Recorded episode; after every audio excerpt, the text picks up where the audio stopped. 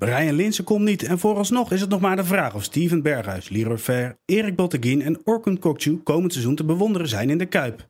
Martijn Krabbedam, in de VI van deze week ga je uitgebreid op in. En je hebt het over de butterfly effect en dat heeft vooral betrekking op Kokchu. Nou, dat is vaak eh, dat is zo'n, zo'n ehm, ja, dat is iets wat ooit onderzocht is. Dat een, een, een, metafoor voor een kleine verandering die iets groots teweeg zou kunnen brengen. En dat, uh, hebben ze het voorbeeldje genomen van een vlindertje dat in Brazilië met zijn vleugels wappert en dat dan in Amerika ergens een, een tornado kan, eh, kan, kan opleveren. Nou ja, in dat licht uh, past wel de, uh, de beslissing van Arsenal om te stoppen met uh, David Luiz. Um, omdat Arsenal bezig is gewoon met ruimte creëren in het, in het budget. En dat houdt dan weer verband met de interesse die ze hebben in, in Orkun Koksu. Die is gewoon heel serieus. daar zijn ze al de hele tijd mee, mee bezig aan het volgen. Um, en, en dat geldt ook voor Sevilla, wat, wat heel erg geïnteresseerd is.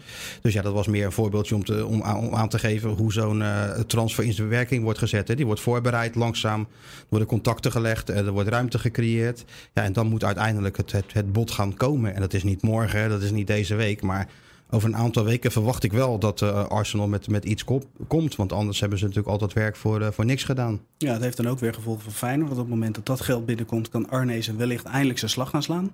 Ja, kijk, het is natuurlijk een hele gekke window die nog op gang moet komen, omdat er overal nog gespeeld wordt. Maar ja, je hebt natuurlijk ook te maken met trainers die hun selectie natuurlijk al graag uh, redelijk compleet uh, willen hebben. Dus natuurlijk uh, kun je wachten en moet je wachten. Maar tegelijk is het wel handig voor zo'n trainer als Feyenoord straks in juli aan de voorbereiding gaat beginnen. Dat 80% van zijn selectie wel redelijk in, in, intact is. Nou ja, daar is Arnissen nu mee bezig op een heel moeilijk moment. Want blijkbaar lukt het Feyenoord niet om een transfervrije speler zoals Brian Linsen te halen. En slaagt de club er nog niet in om Leroy Ver zijn contract te verlengen. Hetzelfde geldt voor Erik uh, Bottekin. Heeft natuurlijk maar met één ding te maken. Dat is gewoon geld. Die spelers willen meer dan Feyenoord momenteel kan, kan bieden. Feyenoord heeft het ook niet makkelijk in deze periode met, uh, met, met, met, met corona. En ook door het feit dat natuurlijk vorige zomer best wel wat geld over de balk is gesmeten. Met spelers met uitzonderlijk hoge contracten contracten die verlengd werden terwijl dat niet eens nodig was, et cetera. Dus ja, daar hebben ze nu, plukken ze nu de zure, de wrange vruchten van. Dat dat even niks kan of weinig kan. En dan moet je wel proberen dat soort spelers aan, je, aan je te binden. Dus uh, wat, ja, Arnessen zit wel even in een, in een lastige spagaat. Hè? Advocaat wil graag dat ver blijft, dat uh, Bottekin blijft. Nou, Koksu heeft gewoon sowieso nog een doorlopend contract. Dus dat is eigenlijk geen, geen issue. En Lins had hij ook graag gehad. Maar dat gaat even niet door allemaal. Ja, we gaan al die spelers even bespreken. Maar laten we nog even bij Kokju blijven. Want het is Arsenal en Sevilla. Die zullen in de komende periode een bod uit gaan brengen.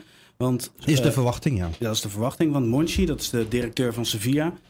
Ja, dat is wel een uh, bekende voor Arsenal. Hè? Want 16 jaar geleden was hij ook in de strijd met Arsenal ja, om een speler van Feyenoord. Hè? Dat was toen met Robin van Persie, Dat is wel grappig dat de geschiedenis zich dan steeds herhaalt.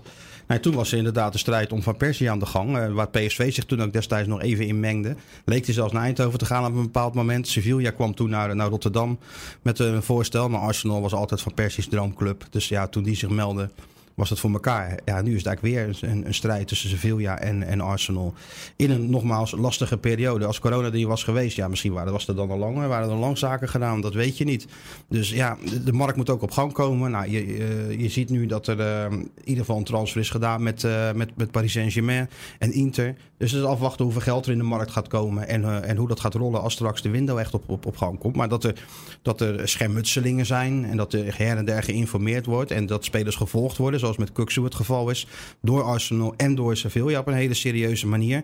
Ja, dat staat natuurlijk uh, als, als een, uh, dat is een feit. En nu is het afwachten van of die clubs het geld bijeen kunnen krijgen om, om deze speler te kopen. Kuksu is een jonge speler. Ik kan me voorstellen dat het voor Arsenal en Sevilla ook niet eens topprioriteit nummer 1 is. Maar als, ja, je wil bouwen aan een ploeg, als je wil bouwen aan een ploeg, dan is dat natuurlijk wel een jongen die je nu, uh, nu kunt ophalen. En de, een veelbelovende speler. Dus zo kijken clubs natuurlijk ook. Dan uh, Kokju met betrekking tot Feyenoord. Want hij wil op zich wel verlengen. Ja. Maar het verschil met uh, nou ja, zijn salaris en een aantal bankzitters, dat steekt. Ja, dat hè? is natuurlijk het grote probleem van Feyenoord. En dat uh, bedoelde ik met ze door nou, te refereren aan afgelopen, afgelopen zomer. Ja, kijk, als je spelers zoals Kelly een flink bedrag geven, rond de 6 ton. Als, als, als Narsing, uh, nou ja, goed. En al dat soort spelers richting de miljoen gaan in hun salarissen. Ja, je gaat onderhandelen met een speler die basisspeler is en die beduidend minder verdient. Ja, die zegt dan natuurlijk gewoon heel logisch van, dat wil ik ook hebben. En dat was misschien ook geen probleem geweest als deze situatie uh, niet, niet, niet, zou zijn ontstaan met, met corona. Maar dat, dat is wel gebeurd. En dat heb je als club dan ook weer mee te dealen.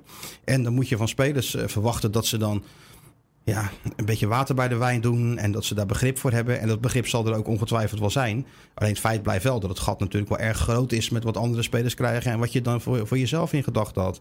Maar Koksu heeft nog een contract tot 2023. Die kan ook gewoon besluiten. Joh, ik, ik red het wel met het salaris wat ik nu krijg. En ik blijf gewoon, uh, ik ga gewoon spelen. En volgend jaar heb ik nog maar één jaar. En dan uh, is de situatie misschien voor clubs nog wel interessanter in een andere markt. Dus ja, het kan alle kanten op deze.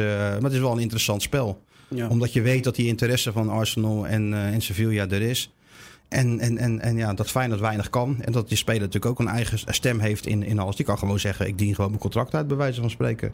Als jullie niet willen verlengen, dan, dan maar zo. Dus dat wordt wel interessant komende weken. Ja, je hebt het over water bij de wijn doen. Uh, Leroy Ver, die wil dat wel. Alleen er is wel een grens, hè? Ja, uh, hoeveel uh, water? Doe je een liter water bij de wijn of, uh, of, of, of, of, een klein kopje, weet je? Daar gaat het natuurlijk om, ook voor vergeld.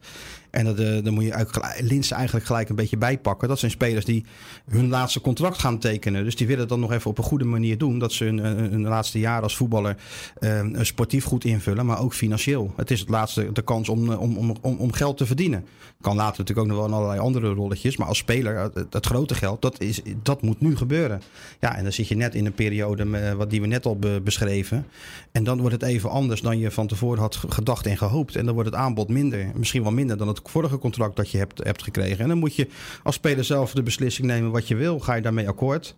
Of wacht je tot clubs die misschien wel bereid zijn om wat meer te, meer te bieden? Nou ja, dat is precies de situatie hoe, hoe het met ver is. Ja, dan Brian Linsen, want uh, in eerste instantie haakte hij af, maar ze hebben alsnog een poging gewaagd.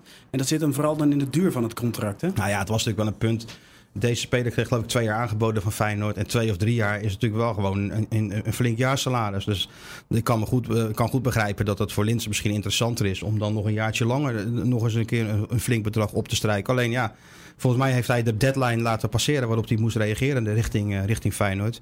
Dus ja, of Linsen nog komt, ik, ik, ik verwacht het eigenlijk niet meer. kan natuurlijk van alles gebeuren. En zeker omdat alles nog, nog zo lang duurt. Maar als je de hele tijd met elkaar zit te praten en je komt er maar niet uit dan moet je als club zijn ook een keer zeggen van tot hier en niet verder. We zetten de streep door. Dat geldt eigenlijk ook voor, uh, voor Ver en Bottekin. Waarom moet je als technisch directeur van Feyenoord daar zo, veel, zo lang de tijd voor nemen? Het is op een gegeven moment heb je natuurlijk iets in je hoofd van hier willen we het voor doen en anders niet. Nou ja, dan stel je een deadline. Dit is wat we, wij zijn Feyenoord. Dit is wat we bieden, graag of niet. En anders schakelen we door. Dus. Vind je Arnees te afwachtend? hij zit ook, wat ik zeg al, hij zit in een moeilijke situatie. Hij heeft te maken met een salarisbudget. En dat moet hij eh, over de hele transferwindow gaan, uh, gaan, gaan, gaan uitsmeren en, en spenderen. Als hij nu een groot deel van het budget al uitgeeft aan Ver, Bottekin en, en Lins, ja, wat moet hij dan de rest nog doen? Hè, dat is natuurlijk heel lastig. Het salarisbudget van Feyenoord is al iets ingekrompen in vergelijking met, met voorgaande jaren.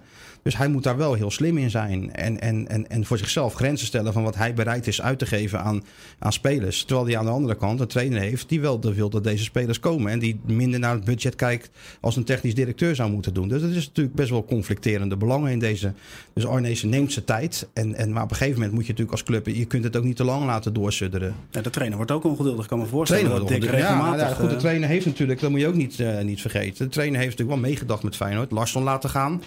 Uh, na de winter zelfs nog, richting, uh, richting, richting China voor, voor 5 miljoen euro. Heb Kenneth Vermeer naar Los Angeles laten gaan. In de, in, om mee te denken met de club. het salaris kwam, kwam van deze spelers kwam vrij. ja, en, en dan verwacht hij wel ook wat terug. Hij heeft nu alleen maar spelers laten gaan. En er is eigenlijk niks, niks, nog niks voor, voor teruggekomen. Kun je wel tegen de trainer zeggen, ga op vakantie en het komt allemaal wel goed. Maar je weet hoe trainers zijn. Die willen controle hebben en die willen weten waar ze aan, aan toe zijn. En als je naar het elftal van dan bekijkt... dan ligt een groot gedeelte eh, van het, geraamte, van het geraamte staat redelijk vast. Ja, als zonder Bottekin, dat is niet direct een, misschien een basisspeler, maar wel een belangrijke kracht ook in de groep. Zonder Ver, die heeft natuurlijk wel een belangrijke rol ingevuld afgelopen, afgelopen uh, seizoen. Koksu is een bepalende speler. Als daar onduidelijkheid over is, heb je misschien ook nog te maken met, uh, met Berghuis. Je weet niet hoe ja. dat nou gaat lopen met een contract waar nog een, uh, een, een, een bijna gelimiteerde stom in staat. Dus ja, dat maakt het allemaal niet, uh, niet overzichtelijk voor een trainer. Dus de kan, als je op vakantie bent, dan ineens dat er een speler weggaat. Ja, dat is natuurlijk wat ze niet willen. Ze willen controle. Ze willen dat een grote gedeelte van die ploeg gelijk vast ligt als de, als de voorbereiding begint. Alleen ja, dat kan soms niet. Dus dat maakt heel deze situatie, zowel voor advocaat als voor Arnees, natuurlijk best ingewikkeld. Ja, advocaat uh, wacht nog op transfernieuws. Maar hij zag uh, onlangs wel een ander bericht naar buiten komen. Dat is dat Kuit eigenlijk al min of meer vaststaat als zijn opvolger. Hè? Ja. Hoe heeft hij daarop gereageerd? Ja, met verbijstering. Ik denk zoals wel meer mensen dat hebben gedaan. Kijk, dat Kuit trainer zou een keer trainer zou worden van Feyenoord, dat stond natuurlijk wel vast. Ja. Dat is er min of meer beloofd. En ja, waarom weet ook niemand. Maar goed, het is een, uh, dat is gedaan. Maar dat het nou zo snel al komt. Na uh, een, een, tijdje onder 19 te hebben getraind. Nu gaat hij een jaar niks doen aan zichzelf werken. En dan moet hij ineens Feyenoord gaan, uh, gaan leiden. Terwijl er nog een trainer zit die het uitstekend heeft gedaan. Die een heel seizoen voor de boeg heeft. En je weet niet hoe Feyenoord daarin gaat, uh, gaat presteren. Dus zit het dan niet meer in de termijn, uh, Martijn? Want als je kijkt uh, dat, dat hij de opvolger van gaat worden, dat is nog tot daaraan toe. Maar het feit dat er ook gecommuniceerd wordt dat het na dit seizoen zou zijn, dat is toch vreemd? Want voor hetzelfde geld presteert hij hartstikke goed en wil hij langer door. Nou, dat is natuurlijk niet bevestigd dat het na dit seizoen zal gaan, gaan, gaan, gaan gebeuren. Daar kun je er wel van uitgaan. Ja. Jaartje niks doen en dan, aan, dan als advocaat dan stopt, wordt Kuit trainer met Groenendijk als assistent. Henker Larsson gepolst. Waarom? Uh, Feyenoord gespeeld, maar ja goed. Anyway, uh, ook gepolst. John Wolf heeft nog een doorlopend contract. dus ja, dan, uh, dan, dan, dan heb je je staf rond. Maar het aparte is dat er nog een heel seizoen gespeeld moet gaan worden. Sterker nog, dat dit seizoen nog bezig is in, in sommige landen om je heen. Dus Feyenoord regeert eigenlijk al over het graf van de advocaat wel nog een heel seizoen. Ja, dat is echt eigenlijk te krankzinnig voor, voor woorden. Dus ik kan me voorstellen dat je dat als trainer wel ervaart als een vorm van uh, ja, disrespect. Je gaat toch niet uh, een trainer die zo goed heeft gepresteerd al passeren voordat, je, voordat het seizoen uh, begonnen is. Wie weet dat advocaat het geweldig gedaan. En, en als Feyenoord nou straks in, in mei bovenaan staat en kampioen kan worden... Ga je dan nog deze beslissing uh, doorzetten? Dus dat maakt het wel apart, ja. Maar je kan het nog breder trekken, want je kunt ook stellen van uh, op het moment dat Kuit wordt gezien als de opvolger, dat wellicht ook al voorgesorteerd op zijn team. Dus dan kun je even afvragen of advocaat wel uh, ja, tevreden is met het feit dat Arnezen misschien al bezig is met Kuit, terwijl het seizoen onder advocaat nog afgemaakt moet nou, worden. Ja, dat zou kunnen. En dat ligt er ook aan met welke spelers Arnezen aankomt. Hè? En, of advocaat dat uh, directe versterking voor zijn ploeg vindt. Of dat Arne zich spelers kiest die misschien een eerste jaartje in de onder 21 gaan spelen. En dan de stap kunnen maken naar de selectie zoals die onder Kuit is. Kijk, Kuit zal wel een, meer een oog hebben voor jonge spelers dan advocaat, denkt iedereen. Maar als je kijkt naar Feyenoord afgelopen jaar, dat was best wel een jonge ploeg. Vergeten heel veel mensen. Die denken advocaat kan niet met jeugd werken. Ja, wie, hadden we lopen? Geert Ruida soms, Kuksu, Bijlo in de, in de goal, Malasia. Het was uh, Bozeniek in de spits. Het was natuurlijk ook best wel, uh, best wel jong. Sinistera. Sinistera nog, die uh, helaas geblesseerd raakte dan voor, voor Feyenoord. Dus ja, maar begrijp ik ook wel dat een trainer zegt... als we willen meedoen dit jaar en met, met, met Ajax en, en PSV... dan wil ik wel die body die we hadden in de ploeg... die wil ik wel gehandhaafd zien.